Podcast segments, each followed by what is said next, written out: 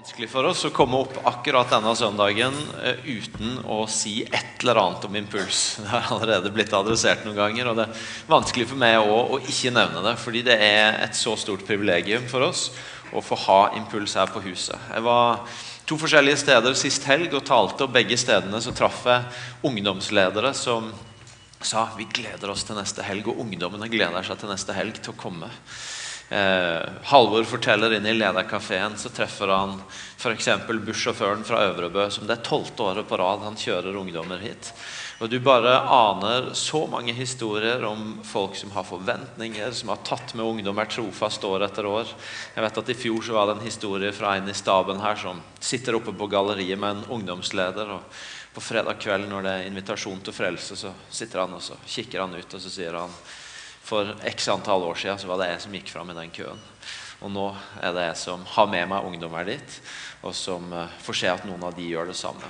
Og det er noe av det som skjer når vi har fått gjøre dette i 18 år nå. Så er det bare stadig nye historier om det Gud gjør. Og det er viktig for oss å si vi skal ikke ta det som en selvfølge og ta det for gitt at vi får ha det privilegiet å ha 2000 tenåringer på huset vårt ei helg for å tilbe Jesus, for å høre om Jesus. Det er ærefrykt og en enorm eh, privilegium. Og eh, bare lyst til å si igjen tusen takk eh, til de av dere som er her, som har vært med og tjent i helga. Eh, og også oppmuntre dere som er her, til å gi et skikkelig klapp på skuldra, eller gjerne en klem hvis du vil det, til noen av de du treffer som har vært med og tjent i helga. Kanskje du treffer de på vei ut. De er der og rigger, eller kanskje du treffer de seinere. Alt fra staben til massevis av frivillige medarbeidere som har gitt gitt alt og gitt sitt beste og vært fleksible. Fredag kveld, kvarter ute ute i møtet når du har 2000 tenåringer der, og så klikker jeg lyden. Så har du på den ene sida en gjeng teknikere som bare jobber beinhardt for å fikse det. Altså, og, får fiksa det i løpet av kvelden, så konserten går som den skal. og alt. Så har du samtidig et lovsangsteam som snur seg rundt og kjører en akustisk lovsangsavdeling som blir kjempe. Det er noe med medarbeidere som bare på hver sine måter, og mange andre måter enn det jeg nevnte der, gir av sitt beste. Så det er fantastisk. Vi feirer det. Eh, sørg for å oppmuntre dem hvis du ser noen av dem. Og Samtidig her inne så skal vi fortsette altså i kveld eh, og fortsetter i dag en serie som vi har begynt i menigheten. Som vi begynte forrige søndag. Martin eh, talte da. Vi har kalt den Hele livet. Jeg var ikke der da, men, men uh, liten snikreklame. Hver søndag så legger vi altså ut alle talene på video. Du finner det på nettsidene våre. Uh, og på podkast i iTunes. Så jeg har hatt gleden av å sitte og kose meg med det Martin forkynte forrige søndag i løpet av uka. Og En av de tingene han sa da, det var er du kristen, så er du kristen. Som en intro til dette temaet hele livet. Det er ikke sånn at uh, det å Tro på Jesus, det å være kristen, er en bryter du skrur på når du kommer inn i noen rom, og så skrur du den av når du kommer inn i noen andre rom. Alt etter som det passer, alt etter som mottagelsen er, alt etter som du kjenner din egen frimodighet. Men det er en bryter du hele veien har på når du først har satt den på. Det er sånn at Når Jesus sier først til sine disipler og så til oss 'følg med', så er ikke det primært en invitasjon til å be en bønn og vente på det som kommer etter dette livet. Men det er en invitasjon til å begynne et nytt liv nå. Hvor alt det Jesus gir, den han er, det han utfordrer oss på, kaller oss til, det får lov til å flyte inn i stadig flere rom, og etter hvert i alle rom av livet vårt. Og, eh, og så vet samtidig alle vi at, at det er ikke alltid sånn for oss at at alt er likt, og, at vi alltid er helt like uansett hvilket rom vi kommer inn i. Vi vet kanskje noen av oss noe om at noen ganger så kommer vi inn i noen settinger hvor vi reduserer oss litt, eller må jobbe litt med fokuset vårt, eller lurer litt på hvordan vi kan komme på banen. Og så har vi lyst til å bruke litt tid noen uker nå på å snakke veldig spesifikt om ett område i livet som handler om nettopp å ta troa med seg inn i et rom i livet som for mange av oss er en ganske stor del av hverdagen. Vi snakker i disse ukene ganske spesifikt om det som har med arbeidsplassen eller studiestedet å gjøre. Og hvordan troa får være med inn i de tinga vi fyller hverdagen med. Og så La meg bare si da i starten for jeg, jeg, kommer på en måte ikke til å ta forbeholdet hver gang vi er innom det i løpet av talen, men la meg si da at jeg vet selvfølgelig, og vi vet selvfølgelig at det er ikke sånn at alle i menigheten eller i dette rommet, eller du som er kommet for å høre, er i den situasjonen at du bruker full tid enten på, eller en stor del av tida di enten på jobb eller studie. Av ulike grunner så kan det være annerledes. Alt fra at en er kommet dit i livet at en er pensjonist og, eh, og har den friheten det fører med. Da kan jeg også gi en liten snikreklame at her på IMI så er vi så heldige at vi har noen pensjonister som velger å komme og jobbe hos oss allikevel. Så det er et godt tips hvis du lurer på hva du skal gjøre. Men eh, det kan være det. Det kan selvfølgelig være at en for en periode har valgt å ha fri av ulike grunner og mulighet til det. Og så kan det selvfølgelig også være ting som har med at sykdom hindrer en fra å jobbe. Eller at en spesielt særlig relevant i vår region i den fasen vi er i nå, at en gjerne skulle hatt en jobb å gå til, men ikke har mulighet til det. Og, og jeg vet det, og jeg, og, jeg, og jeg, skal ikke på en måte dra noen sånn få lettvinte setninger om de situasjonene for å glatte over det, men det jeg bare har lyst til å si er at prøv å tenke det som det som fyller din hverdag, det du har å forvalte, enten det nå er noe som det står en formell arbeidsgiver eller studiested på, eller er det noe som akkurat nå du ikke har det på. Men prøv å tenke det som du holder i hendene i din hverdag, som du kjenner et ansvar for.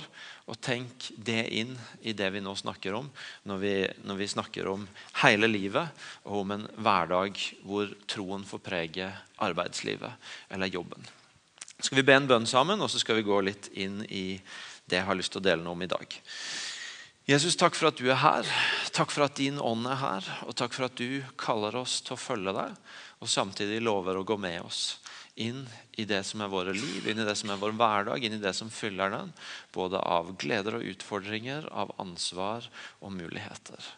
Vi har bare lyst til å invitere Deg Hellige Ånd til å bruke kvelds, eh, disse kveldstimene til å utruste oss, til å tale til oss, til å jobbe i oss.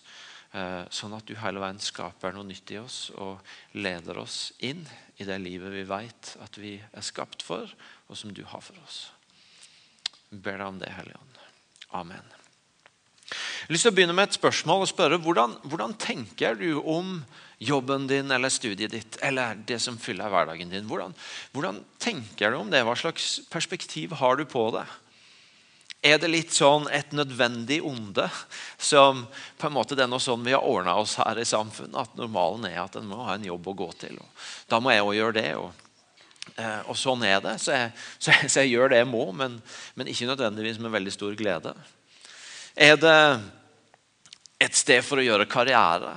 for å stige i gradene, for å kjenne anerkjennelsen på det en bidrar med. For å kanskje kjenne kontoen fylles opp. For å kjenne at 'oi, her får jeg realisert meg'. Er det en plikt, en samfunnsplikt du gjør fordi du ønsker å gi ditt bidrag eh, inn i fellesskapet vårt? Eh, er det et sted for å tjene mest mulig penger? Enten sånn at du kan bruke det på ting du har lyst på sjøl, eller fordi du ønsker å bruke pengene til å på ulike måter velsigne andre? Eller er det noe annet? Vi kan ha ganske mange forskjellige innganger til å tenke om det som fyller hverdagen vår. Det vi har fått i hendene våre, det som er jobben vår. Eh, som en liten sånn eh, Hva skal vi si? Sidesteg på veien så skal vi høre på, på en kar fra Danmark. Jeg håper dere skjønner dansken.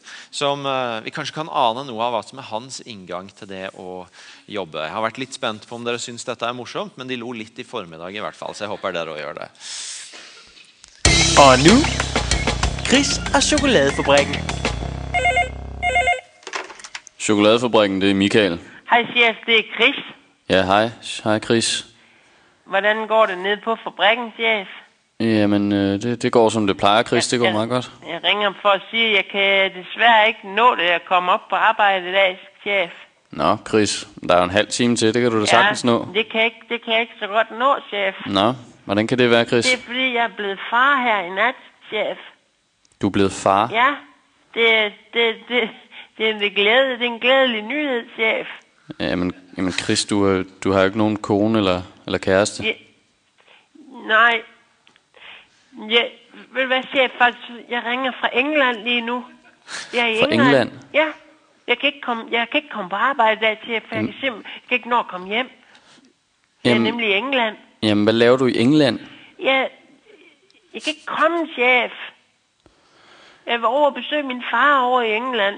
Min far, jeg har aldrig nogensinde set min far før. Jamen, det passer han, jo ikke, Chris. Han har Han- pludselig sendt bud efter mig, chef. Chris, din far bor i Han Ishøj. har brug for mig. Din far bor i Ishøj, Chris. Det er noget pjat, det der. Jeg, jeg har vist nummer på min, på min uh, telefon her. Jeg kan se, at du ringer hjemmefra, altså. Du, er- du er jo ikke i England, vel? Det er også... Min chef, Ja. der er sket noget frygteligt med mig. Nå. Her i nat, Ja. ja. jeg blev kørt over, chef. Jeg blev kørt over af en... Jeg begynder over en stor kran i nat, chef. I nat. Hvad lavede du op i nat? Det ved jeg heller ikke, chef. Men, men den har, jeg bliver nødt til at tage, jeg, at jeg er oppe på sygehuset nu, chef. Gid, jeg kunne komme, chef. Men det kan jeg ikke. Jamen, Chris, selvfølgelig kan du komme på arbejde. Hils dem alle sammen, chef. Chris, Jeg prøv lige er nødt til høre. at tage op på sygehuset nu. Chris, Fordi det er noget ud, det er på ud mit liv. Chris, det Jeg passer kan ikke. ikke komme. Chris, hvis ikke du kommer i dag, så er du fyret. Jeg kommer om 10 minutter, chef. Vi ses. Hej, hej. Hej, 10 minutter. Chris og chokoladefabrikken. Kan det være litt sånn av og til? Kanskje kan noen kjenne seg igjen i at uh, åh, en skulle ønske en hadde en unnskyldning for ikke å, for å kunne koble litt ut. Og kanskje noen av dere som har ansvaret for andre av og til, kan tenke på ja, var de så syke, eller var det noe? Jeg vet ikke. Jeg kan garantere, Sånn tenker jeg aldri med staben her i IMI. Altså. Bare si det, så ingen eh, Jeg tror at det er opplevd. Eh, dere tar poenget. Hvordan tenker vi om jobb? Hva slags perspektiv har vi på det? Er det noe vi gjerne skulle sluppet unna? Er det noe vi gleder oss til? Er det noe vi har, eh, har lyst til å gi oss sjøl inn i? Eller eh, ikke? Noe av det som er litt annerledes med den bibelske fortellinga, den kristne fortellinga om eh, hvordan vår virkelighet ble til, om skapelsen om utgangspunktet for livet vårt, det er at faktisk helt fra skapelsen av så er det et sånn positivt bilde av det å jobbe, av det å ha noe å forvalte, noe å utrette. I ganske mange sånne myter og fortellinger om skapelse så, så er det sånn at det er, den på en måte beskriver en sånn paradisisk tilstand før, før det livet vi har nå, kom. Eh, hvor, hvor det på en måte ikke var noen ting å gjøre. Hvor en bare kunne ligge og nyte og late seg og kose seg. Eh, og En har gjerne også litt andre innganger til hvordan eh, virkeligheten ble skapt. Men i vår skapelsesberetning så står det faktisk til og med at Gud jobba når eh, virkeligheten vår og vår jord ble skapt. Det står i andre, første Mosebok 2 at så var, himmel, så var himmelen og jorden fullført med hele sin hær. Den sjuende dagen fullførte Gud det arbeidet han hadde gjort, og den sjuende dagen hvilte han fra hele det arbeidet han hadde gjort. Gud velsigna den sjuende dagen og helliga den. For den dagen hvilte han fra hele sitt arbeid, det som Gud hadde gjort da han skapte. Så for det første så, så fortelles det om at Gud fra skapelsen, når, når Gud skapte, så det, han gjorde en jobb. Gud jobber. Og det, det er ikke på en måte i alle religioner at du har den fortellingen at ja, Gud sjøl gjorde en jobb når han skapte oss og skapte oss i sitt bilde. Og så står det jo altså samtidig om oss mennesker når vi blir skapt, like før i første Mosebok 1. Gud sa, la oss lage mennesker i vårt bilde så de ligner oss. De skal råde over fiskene i havet og fuglene under himmelen, over feet og alle ville dyr og alt krypet som det kryr av på jorden. Og Gud skapte mennesket i sitt bilde. I Guds bilde skapte han det. Som mann og kvinne skapte han dem. Gud velsigna dem og sa til dem.: Vær fruktbare og bli mange. Fyll jorden og legg den under dere. Dere skal råde over fisken i havet, over fuglene under himmelen, over alle dyr som det kryr av på jorden. Så Fra skapelsen av så fortelles det om en Gud som jobber, men også om at vi helt fra skapelsen av blir gitt noe å forvalte. Vi, er, Gud setter opp et oppdrag for oss, noe, noe å gjøre, noe som en hensikt som er tenkt for menneskene. Vi, vi, forstår ut av skapelsesberetninga at vi for det første er skapt for relasjon. Relasjon med Gud, men også med hverandre. Gud så at det ikke var godt for mennesket å være alene, så han skapte en av hans like, sånn at en kunne ha relasjon både med Gud og hverandre. Men vi ser også at den ble skapt for et ansvar, for en oppgave. Sist søndag så sa Martin en funksjon, en hensikt. Vi er skapt for relasjon og for hensikt, og det ligger der helt fra skapelsen av. Og Det som skjer i syndefallet, det er jo for det første at relasjonen til Gud blir brutt. Sånn at vi trenger Jesus for at den skal gjenopprettes. Men også at kimen til de konfliktene og de relasjonsbruddene vi møter oss imellom, blir brutt. Men faktisk også at den, det forholdet til den hensikten, det, det ansvaret som ligger der, blir dreid på. Sånn at det som var skapt som noe godt, som på mange måter er noe utrolig anerkjennende fra Gud Jeg holder deg så høyt, jeg ser så høyt på deg at jeg gir deg ansvar for å forvalte det jeg har skapt. Det blir på mange måter fordreid, sånn at det kan bli lett for oss å enten flykte fra det i et håp om at hvis jeg bare får flykta fra hensikten, fra ansvaret, så er jeg fri til å gjøre akkurat det jeg vil og nyte det jeg vil. Eller det kan bli noe vi flykter inn i. Som det vi tenker at det skal være svaret på all vår lengt etter å føle oss betydningsfulle og verdifulle. Og så, og så blir det en avgud istedenfor en gave Gud har gitt oss. Og vi vet det at eh, Avguder det kan noen ganger begynne som noe vi dyrker fordi vi opplever det veldig bra. Men på et eller annet tidspunkt så går det til å bli en slavedriver for oss som egentlig regjerer over oss.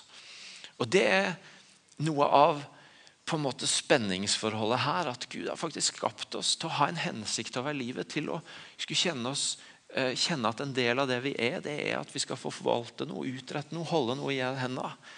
Om du vil jobbe.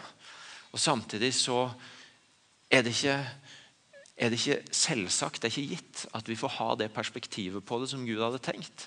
Fordi at det er ting som har skjedd i syndefallet som gjør at det kan bli skeivt. Det kan bli ute av det fokuset, den, den, måten å tilnærme det på, som han hadde tenkt for oss.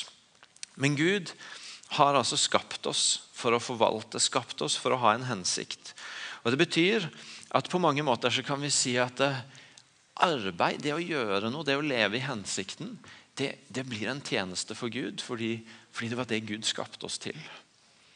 Og Så kommer vi til Det nye testamentet og ser litt av det som skjer der. Og, og Et par av de versene vi møter der, det er f.eks. i Kolosserne 3,23, hvor det altså står Alt arbeid skal dere gjøre helhjertet, for det er Herren og ikke mennesket dere tjener. Det er skrevet i en setting faktisk til slaver. og Vi skal ikke på en måte gå inn i hele den tematikken. Hvis du leser hele Bibelen, så, eh, så, eller hele perspektivet i Bibelen, så, så, skjønner du at poenget til Paulus er ikke at han bekrefter at slaveri er en god ting, men han gir et perspektiv allikevel over den situasjonen en er i. at Ikke tenk om det bare som noe som du gjør for et annet menneske, men Tenk på det som om du tjener Herren med det. Som om, du, som om det er din tjeneste for Gud når du gjør det du må gjøre, det du holder i, det du forvalter i hverdagen din. Og Et annet interessant vers i den forbindelse er når Paulus skriver til menigheten i Korint, i kapittel 7, hvor han skriver litt om hvordan de skal tenke rundt livet når de er blitt frelst, når de har kommet til tro. Hva skal de gjøre da? Og så, og så skriver Paulus derfor skal enhver leve sitt liv der Herren har satt han der han var da Gud kalte han. Han, han utfordrer dem på å leve med et perspektiv av at jeg kan tjene Gud der jeg er. Det som er min hverdag, der jeg satt, der du blei kalt. Han sier det en gang til. Mine søsken, enhver skal få bli der han var da han blei kalt, og være der for Gud. Martin Luther, eh, en av den store reformatoren som vi feirer jubileum for i år, han sa faktisk det om jobb at fordi, når vi er kristne, når vi tror på Jesus, så er det faktisk sånn at fordi vi kan tenke at i Jesus så har vi alt vi trenger, så er vi sikra. Så kan vi gå inn i arbeidet vårt med et fullt fokus på at dette gjør jeg ikke primært fordi alt jeg trenger ut av det, men for å tjene Gud. Fordi jeg kan vite at i Han så har jeg alt. Jeg trenger ikke bekymre meg for om lønna mi stiger eller ikke, for jeg vet at Han sørger for meg, at jeg har det jeg trenger i Han. Jeg trenger ikke å jage etter å få mest mulig bekreftelse på jobben min, fordi jeg vet at i han har jeg verdi. Så Luther sa så med det som bakteppe så kan vi egentlig møte arbeidet vårt med et sånt fullt fokus på at dette gjør jeg ikke primært for å heve en lønningsseddel, ikke primært for å realisere meg sjøl, men først og fremst for å tjene Gud i denne verden. Og Det er noe av det perspektivet som Bibelen gir oss på det å være i jobb, på det å møte opp, enten det er på arbeidsplassen eller studiestedet sitt, og tenke at vet du noe, her kommer jeg ikke bare i dag for å gjøre det jeg trenger for å få inn lønna jeg trenger for å leve. Her kommer jeg ikke bare for at livet mitt skal ha en eller annen verdi, og jeg skal få den bekreftelsen jeg trenger på at det er en vits at jeg er her. Men jeg kan faktisk få gå inn i arbeidet mitt og tenke dette er en del av min tjeneste for Gud. Dette er en del av det jeg gjør for å tjene Han som har gitt meg livet, som har skapt meg. Og jeg tror at Et av de skillene som av og til kan være der, bevisst eller ubevisst, og som vi trenger å ta ned når vi skal tenke om det å leve med Jesus hele livet Vi skal tenke at enten så er du kristen, eller så er du eh, ikke det. Når du er kristen, så, eh, så er du det i hele livet. Det er denne tanken vi av og til kan få om at tjeneste for Gud, kristen tjeneste, det er primært noe som skjer i kirka i den kristne settinga. Den gjør det òg. Og ingenting av det jeg sier i dag, forsøker å underminere det at jeg har veldig tro på det at vi sammen bidrar inn i det kristne fellesskapet. Vi er en menighet som, som, som, brenner for å bety en forskjell for virkeligheten rundt oss. og Skal det skje, så er vi helt avhengig av at vi alle har en tanke om at ja, det ønsker jeg å bruke av min tid, mine krefter, mine ressurser på. Vi er ikke en menighet som setter opp en gudstjeneste som en stab driver, og så kommer vi og er med på den, og så går vi ut igjen. Men vi, vi ønsker å bety en forskjell, og da handler helt klart kristen tjeneste om å bidra inn i det. Men kristen tjeneste handler også om det som skjer utafor kirkeveggene.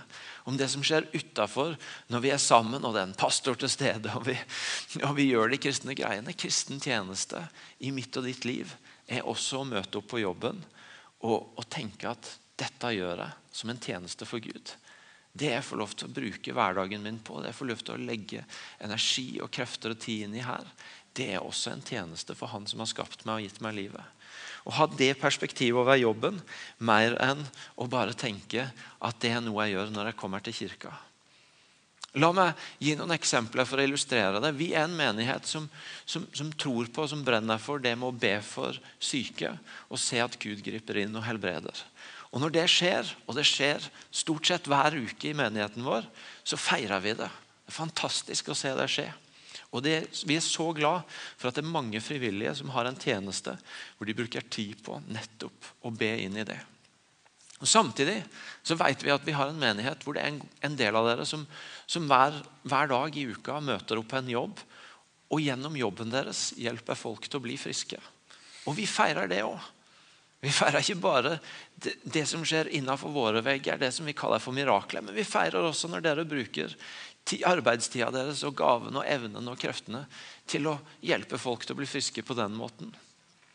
Vi brenner for at barn og ungdom skal få et møte med Jesus i denne menigheten. og Derfor så kaller vi folk til å bruke av tida si på å være ledere og ha en frivillig tjeneste i barne- og ungdomsarbeidet vårt. Og Det er fantastisk å se at også denne høsten så har det kommet nye ledere til som vil gi det beste til barna våre og ungdommene våre. Og vi ser at det bærer frukt. Jeg ser det i mitt liv når når, når, jeg ser at mine barn går, begynner å gå veien med Jesus. Fordi det er mange ledere her som, som, som gir inn i det. Vi ser det denne helga når så mange frivillige bruker av sin tid og krefter for at ungdommer skal få et møte med Jesus. Og Samtidig så er det noen av dere som hver morgen går på jobb for å gi det beste dere har i arbeidstida deres til barn og unge. Som lærere eller i barnehage eller andre settinger. Og Det er også en tjeneste for Gud. Da bruker dere også tida deres på å tjene Gud. I den settinga. Vi er en menighet som brenner for at mennesker som er nye i landet vårt, skal få bli tatt ordentlig imot, skal få bli møtt med rettferdighet, og ikke noe av den urettferdigheten som vi dessverre også ser i vårt land i dag. Og Vi engasjerer oss i det, og vi, vi, vi inviterer frivillige inn til å tjene i det. Og mange av dere har gjort det, og det er fantastisk å se hva det betyr. Så er vi også heldige å ha i menigheten vår noen av dere som har som jobb å møte opp hver dag og jobbe for at de skal bli tatt mest mulig imot i byen vår. Og det feirer vi også. Det er også en tjeneste for Gud. Det er også en del av et liv med Han, hvor du tjener Han. Og en kan fortsette og fortsette. Men for oss alle så tenker jeg at dette perspektivet om at, om at det å jobbe, det å forvalte noe, det å leve i en hensikt, det er noe som ligger der helt fra skapelsen av. Og, eh, og, Bibelen sier noe om at å gjøre det vi gjør, om å gjøre jobben som om det var for Gud, det inviterer oss til å løfte fokuset, til å løfte frimodigheten på at ah, det er ikke bare en ny dag, en ny uke på jobb. og Jeg får komme meg gjennom og gjøre det beste jeg kan. Og, eh, og, og så er det det. Men å løfte frimodigheten på at å, i det jeg skal gjøre i dag, så kan jeg faktisk tenke på det som min, min gudstjeneste i dag. At jeg får møte noen mennesker og bety en forskjell med å tjene Han med det jeg gjør. Møtte noen etter gudstjenesten i formiddag som sa å, nå har jeg fått en ny frimodighet for uka som ligger foran. Det har vært litt tungt i det siste. Men du minte meg på at det handler ikke bare om å komme gjennom ei uke til. Men jeg får faktisk tenke om det som en tjeneste for Gud. Og det skal, det skal, det skal gjøre noe med meg når jeg møter opp på jobb i morgen. Jeg tenker at Det er et perspektiv som skal gjøre oss enda mer frimodige på det som er hverdagen vår, og på det vi fortjener med der vi er. Og Samtidig, i forlengelsen av det, så er det sånn at vi tror også at Gud legger ned gaver og evner, og at Hans ånd skaper frukter i oss. Eh, som, som, som, er noe av det vi er med, er med på å ha og gi til verden rundt oss. Og På samme måte som tjenesten ikke bare skjer innenfor kirkas vegger, så tror jeg faktisk heller ikke at det er sånn at gavene våre er forbeholdt å virke innenfor kirkas vegger, vegger eller de autoriserte kristne sammenhengene. Men at det Gud har lagt ned i oss, den frukten og Hans ånd skaper i oss, det er faktisk også der for å kunne bety noe utafor, og til og med for å bety noe inn i arbeidslivet. Jeg hørte en historie i sommer. Jeg traff en pastor fra eh, Irland som fortalte en historie om at ei dame hadde kommet til han fordi, eh, og hadde fortalt at hun opplevde hun hadde fått en gave fra Gud til å danse. Og Det gikk ikke så lang tid den samtalen før han skjønte at det hun egentlig forsøkte å si, det var at fordi Gud hadde gitt henne en gave til å danse, så hadde hun veldig lyst til å danse oppe på scenen. Hun hadde lyst til at gaven skulle bli brukt eh, i menighetens gudstjeneste. Og Så sier han til henne hvis du tror at Gud har gitt deg en gave til å danse. Og det du tenker at er den optimale, den, det på en måte det ypperste utslaget at den gaven blir brukt, er at du får danse på en, på en scene på noen meter eh, en, en, en, gang i uka. Så har faktisk jeg mye større tro for gaven din enn det du har. Jeg tenker, Hva om du tok den gaven Gud har gitt deg, og starta en danseskole i byen vår som kunne bli til velsignelse for barn i byen vår, sånn at de òg kunne lære det du har fått i gave, sånn at de kan bli velsigna av det. Og Denne dama hun ble ganske sur og snudde seg og gikk. Og I dag så lever hun av den danseskolen. Eh, hun, han sa at hun hadde ennå ikke kommet til å takke han for forretningsideen. men, men, men hun hadde fått bruke gaven sin utafor. Hør meg rett. Det er selvfølgelig litt spissa. Jeg mener ikke nå at nå, nå, skal du ikke få bruke noen av gavene dine her inne. For det er bare der ute det skal skje. Vi skal ha balanse i det. Men poenget jeg prøver å få fram, er selvfølgelig bare at de gavene, de evnene Gud har lagt ned i deg, de er ja for menigheten. Paulus bruker, bruker bildet av menigheten som, som dette legemet. Som når gavene kommer sammen, så får vi representere Jesus i denne verden. Vi får være kirke i denne verden, og gavene får virke sammen og høre sammen. Og Samtidig så vet vi at noe av vår rolle som kirke det er ikke bare å være kirke for å være kirke, men nettopp å, å bringe noe godt, bringe Guds godhet inn i denne verden. Og Da virker også disse gavene utafor kirka, utafor de kristelige settingene. Men de kan tas med inn i arbeidslivet, og de kan, de kan brukes der til å bety en forskjell. Og jeg tenker at På samme måte som perspektivet av at jobb er en tjeneste for Gud, skal få frimodiggjøre oss, få tenke stort om det vi gjør i jobben vår, så skal perspektivet av at gavene våre også kan virke der. At vi også får ta med det Gud har lagt ned i oss, inn i, inn i arbeidslivet og hverdagen. Få utfordre oss litt på om vi forvalter det Gud har lagt ned i oss, på en god måte. Gud gir gaver til oss for at det ikke bare skal bli til velsignelse for oss, men bety en forskjell for andre. Bruker er de gavene Gud har lagt ned i meg, bare til å få en jobb som er mest mulig behagelig, og, og som gjør at jeg kan ha det greit og komfortabelt. Eller sånn at jeg kan få høyest mulig lønn, sånn at jeg får mest mulig til meg sjøl. Eller bruker jeg den faktisk til noe som på best mulig måte også blir til en velsignelse for andre? Som får bety noe for andre?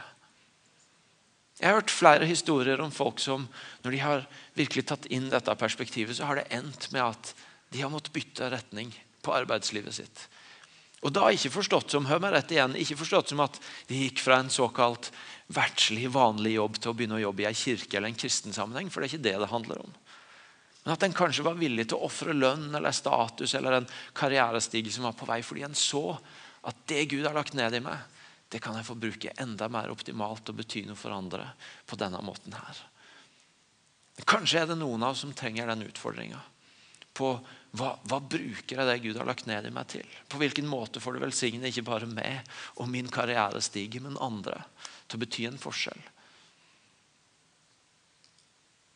En annen variant av det er selvfølgelig at Bibelen sier noe om talenter, og om en graver ned talentet, eller bruker det.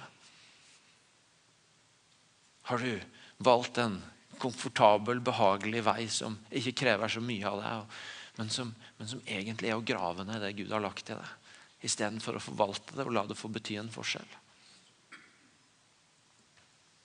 Guds gaver i oss, Guds åndens frukt i oss, er ikke bare for innomhus, men for utomhus.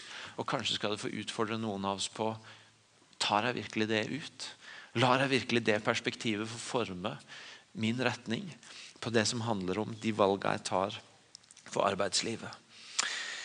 Mot slutten jeg hørte en inspirerende historie denne uka om en i denne menigheten som har en jobb han, han, eh, etter hva jeg hører, løser flott. Men som også på den jobben har gode kollegaer. Og han hadde en kollega som han allerede hadde fått en veldig god relasjon til. og De hadde snakka litt om tro. Og Så kommer han i huskirka, som han er med i her i menigheten. Og så snakker de på huskirka om ett av mange sånne Guds rike-prinsipper som vi tror at fungerer ikke bare eh, i kirka, men også de utafor kirka. Nemlig det med fredens personer. Lukas 10, hvis du ikke har hørt begrepet fredens personer før. Lukas 10, hvor Jesus sender ut sine disipler. og Så sier han når dere kommer et sted, så skal dere hilse dem med fred. Og de som tar imot freden og inviterer dere inn, vil ha med dere å gjøre. De skal dere ta inn hos og bli hos. Der skal dere bruke tida. Dere skal ikke stå og banke på alle mulige dører hvor folk ikke vil ta imot freden, hvor folk ikke vil ha med dere å gjøre, hvor dere blir avvist. Men bruk tida deres. Ta inn der hvor folk faktisk tar dere imot. Og De snakka om det i huskirka, underviste litt om det. og Så brukte de litt tid i stillhet på å tenke på hvem er mine fredsmennesker i nabolaget eller på jobb. Og så blir denne personen minnet på denne kollegaen sin. Og Det at han får et blikk på det Guds rike-perspektivet og det, det, prinsippet i Guds rike som vi kaller fredens mennesker, det gjorde at han fikk frimodighet til å stikke nedom han og gi han en julegave. Som igjen gjorde at det var det som fikk de over terskelen fra et hyggelig kollegaforhold til et ordentlig vennskap. Og så slutter ikke historien der du kanskje håper den skal gå nå, med at han også fikk lede han til tro. Men den er midt i en spennende utvikling, hvor nettopp det at han fikk øynene opp for et Guds rike prinsipp, gjorde at han får gå en annen vei og en nærmere vei enn det han hadde før. Vi skal få ha et perspektiv på arbeidslivet vårt at de Guds rike prinsippene som vi snakker om og som vi øver på, som vi bruker i huset, i kirka, de virker også der ute. Vi snakker masse om anerkjennelse som en del av Guds rike. Her på, her på, huset snakker vi om det. og I, i en av bøkene jeg og Martin har skrevet, til stede så forteller vi historien om ei som så hele arbeidsmiljøet på avdelinga si forvandla. Fordi hun tok det Guds rike-prinsippet ut av menigheten og inn på arbeidsplassen. Og begynte å anerkjenne, og hele arbeidsmiljøet ble forvandla. Jeg hører andre historier om folk som, som velger å, å møte konflikter på en annen måte. Fordi de har lært noe om hvordan vi i Guds rike ser på det. Hvordan vi velger tilgivelse, hvordan vi velger en annen inngang. Hvordan det ikke alltid handler om å vinne diskusjonen, men om å heller vinne mennesker. Og fordi de ser virkeligheten på en annen måte, fordi de har noen Guds rike prinsipper å møte det med, så blir utfallet et annet. Og så har de faktisk en helt annen mulighet til å møte en del av situasjonen i arbeidslivet sitt. Guds rikelivet er heller ikke bare for innomhus. Men det er like relevant der ute. En av våre muligheter når vi våkner opp og går på jobb, det er å spørre mm, hvordan kan jeg ta med meg det riket som ikke er begrensa av noe bygg eller rom, men som, men som, når jeg kommer dit, så er det til stede der.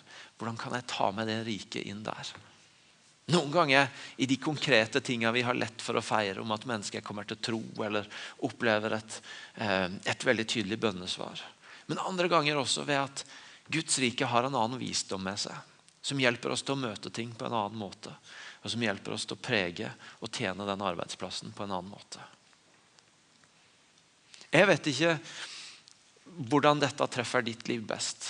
For noen av dere så tror jeg ganske sikkert at dette er en oppmuntring og en påminner til å løfte blikket, til å løfte fokuset og perspektivet på hva jobben din er, og på hvem du kan være inni det.